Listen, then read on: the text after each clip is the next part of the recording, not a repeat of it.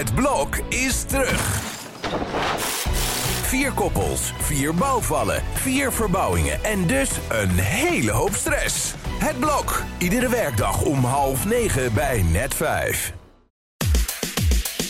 Goeie vrijdag, goeie vrijdag, goeie vrijdag allemaal. Kruip weer dichter bij je speaker voor deze week de laatste maal.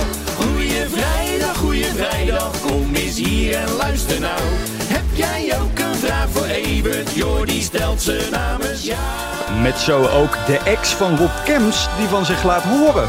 Want Strik Privé is er voor jou. Echt wel. Douwe Bob naar het Songfestival nog een keer. Zou dat nou een goed idee zijn, Evert?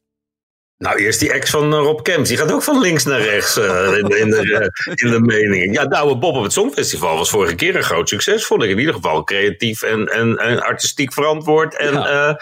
ja. de verleiding is groot om te zeggen alles beter dan dit jaar. Maar ja, als hij dat wil en hij wil zich daarvoor, dan zou ik daar zeker op inzetten. Ja, Douwe Bob op een Songfestival is bijna zo goed als uh, Sommieu. Ja, ja, ja, ja, ja. Daar, daar vechten wij nog steeds voor in deze podcast. Ja. Nou, ik zat in één keer te denken, kunnen we niet Anouk in de selectiecommissie zetten. Want zij is natuurlijk ook heel ver gekomen en heeft wel verstand van muziek. Meer ja, maar er zijn wel meer mensen met verstand van muziek. En bij Anouk haal je ook wel weer van alles in huis. Wat, wat, ja, maar ja, goed, het kan. Ja. Maar het zou in ieder geval een andere selectiecommissie moeten worden. Ja. Of uh, Jan Slachter krijgt zijn zin, hè? dan gaat het allemaal naar Max. En oh. dan, uh, ja, dan weet je ook hoe het afloopt. Met André van Duin en juffrouw Jannie natuurlijk. Nou, dat zou toch fantastisch zijn. Ja. ja. Ja. in de selectiecommissie, maar ook het commentaar. Dat zou toch top zijn als André van Duin dat doet. in een hokje. Oeh, wat dan gaan we 12 punten, denk ik. Ja.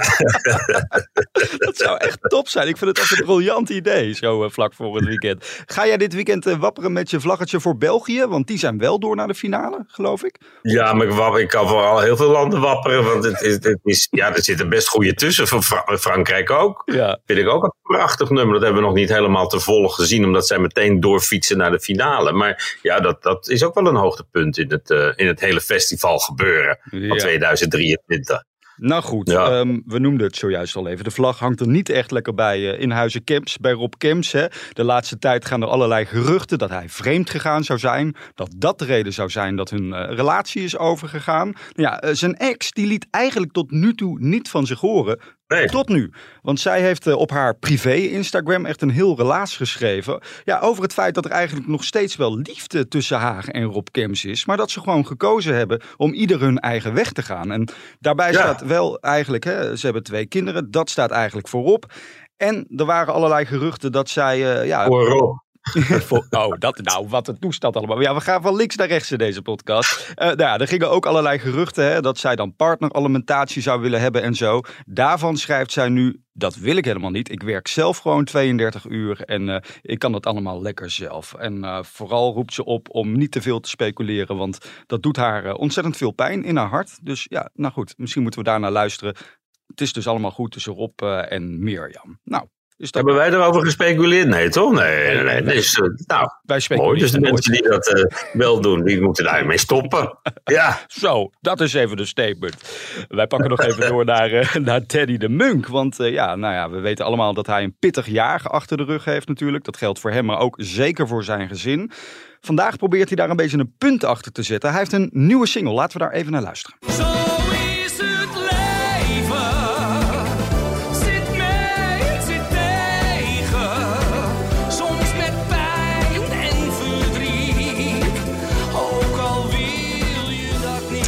Ja, zo is het leven. Soms zit het mee, soms zit het tegen, zingt hij. Ja, nou, ja, nou daar weet hij alles van. Het is inderdaad een heel zwaar jaar geweest voor hem. En dit is het uur van de waarheid. Gaat het publiek er weer in mee? En denkt iedereen van, uh, nou Danny, dat heeft lang genoeg geduurd. Daar zijn we weer. En fijn dat je weer voor ons staat te zingen. Nou, dat wordt de komende dagen wel, wel duidelijk. Het is wel lekker repertoire, wat veel mensen laten liggen. En waar veel vraag naar is. Dat feesten, muziek en meeblaren. En, uh, ja. Dus ja, ik denk wel dat hij op de goede weg is. Ja. En dat we inderdaad maar eens moeten zeggen ophouden met uh, Danny verdacht maken. Want de rechter heeft gesproken en uh, ja, het is een. Uh, het, het, het, is een, met een sisser afgelopen voor hem. Ja. Maar het is natuurlijk een enorme burden geweest voor hem en zijn gezin al die eh, maanden dat hij verdacht werd van verkrachting. Het is niet niks. Nee, en het is ook zo dat zijn gezin bedreigd is. Hè? Dat zijn kinderen echt vreselijke berichtjes in hun DM kregen op Instagram. Ja, ga daar maar aan staan. Ik bedoel, zij hebben hier al helemaal niks mee te maken. Dus, nee, zo is dat. En uh, ja, dat, dat is een, iets van deze tijd. Dat is, uh, kijk, gaat het goed met je, dan krijg je die berichten. Maar gaat het slecht, dan, dan krijg je ook de wind van voren. En op, een, op een verschrikkelijke manier. Wat, wat je soms leest onder berichten op Instagram posts.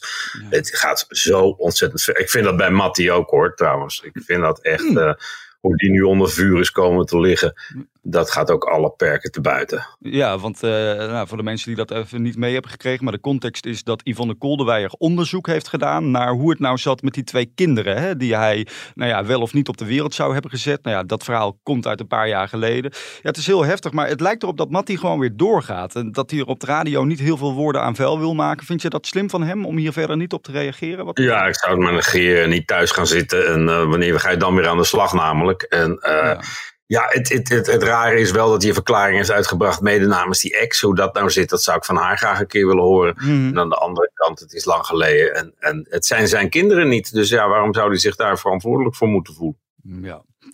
We gaan door met uh, nieuws eigenlijk wat we kunnen melden vandaag in deze podcast. Ook weer eens een keer leuk. Over André Hazes. Want uh, nou ja, die timmert natuurlijk ook vol aan de, de weg. Hè? Natuurlijk met zijn comeback single die hij onlangs heeft uitgebracht. En wij kunnen vandaag melden, Evert, hoe zijn comeback album gaat heten. Rappapa. Ik ja, jij hè? Ja, want, ja, op mijn lijf geschreven gaat het uh, heten. Op mijn lijf Is daar nog plek dan?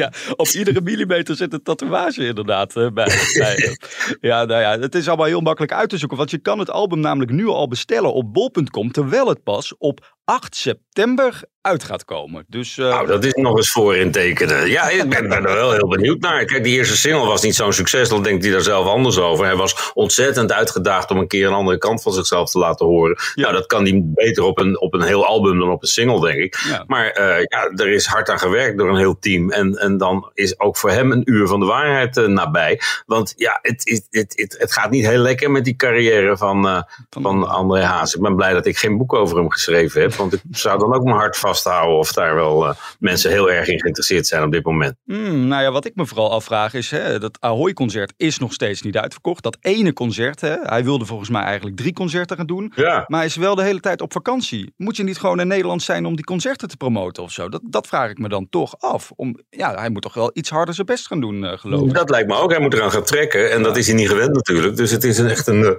zaak van dit jaar moet het gebeuren voor André. Ja. Of het ziet er wel uh, somber uit voor die carrière. Nou goed, wij gaan de week... Kan beter maar een hit staan op dat album op mijn lijf geschreven. Laten we dat afwachten. Dus 8 september. Nou ja, goed. Wij gaan naar onze eigen hit, want we gaan zingend de week afsluiten. Eventjes aan Evert vragen. Dat lijkt me echt een goed plan. Een vraag aan de privéman. Daar wordt er een beetje om lachen. Ja, onze hitzanger Hein heeft dit natuurlijk voor ons ingezongen. Eventjes aan Evert vragen. En we zijn er nog steeds hartstikke blij mee. Um, Ruud, die heeft een vraag ingestuurd. Want uh, jij hebt nieuwe collega's uh, bij SBS 6, Evert. Gijs Groenteman en Marcel van Roosmalen. Wat vind je daarvan? Ja, wel verrassend. Ja. Dat is toch echt uh, de, de, de, ja, de zelfbenoemde elite van Hilversum ongeveer. Ja. Gijs Groenteman, de, de, de zoon van Hanneke, ja. die gewoon bij SBS aan de slag gaat. Samen met Marcel van Roosmalen, die dat zelf fascinerend zou noemen waarschijnlijk. Want ja. zoals ik bij Shownies gisteren al zei, dat, dat roept die man voortdurend. En ik moet er vreselijk om lachen op dat programma. Het is zo'n anti-talkshow. Ja. Ook als gast zit je er gewoon voor lul bij. Want het is echt... Uh, uh, ik, laatst zat die uh, jongen van Boulevard. Nou, die kwam echt totaal niet uit, uit de verf. Maar ja, het gaat ook helemaal niet om die gasten. Het gaat om hun ja. en, en hun nou, dus ik kan me er wel op verheugen. Ze maken hele korte series bij uh, BNN Varen altijd. Vijf of zes afleveringen, dan is het seizoen alweer voorbij. Mhm. En nu mogen we een hele maand juni aan de slag. En ja, ik ga daar wel uh, voor zitten. Ik vind het wel erg grappig. Het is wel mooi dat uh, John de Mol dus blijkbaar gevoelig is voor de adviezen van Johan Derksen. Want hij heeft dit geadviseerd, geloof ik, toch? Nou ja, ik kan me voorstellen dat, je, dat zo'n zo'n tijdslot wat zo succesvol is, wil koesteren met een soort gelijk programma. Ja. En dat is niet te vergelijken, want die chemie met die, van die VI-mannen. Maar dat je daar toch een talkshow gaat, gaat plaatsen. En, en, later een wielrenprogramma, geloof ik, als de Tour van start gaat. Dat, is, dat is wel verstandig. Want mensen zijn nou eenmaal gewend om die tijd af te stemmen op, op SBS 6. En ze vallen in een groot gat zodra na 200 zoveel afleveringen eindelijk een einde komt aan één seizoen V. Ja, we gaan kijken vanaf juni. Ik ben ontzettend benieuwd met jou. Nou goed, onze, onze week zit erop. Ik wou zeggen, ons seizoen zit erop. Nee, we gaan nog wel even door, hebben we gisteren gezegd. Dus maandag... 200 afleveringen gedaan, hè? Ja, ja net als VI in een jaar tijd. Dus ja. Zo is dat. En maandag gaan we vrolijk verder om 12 uur. Tot dan. Tot dan. Prettig weekend.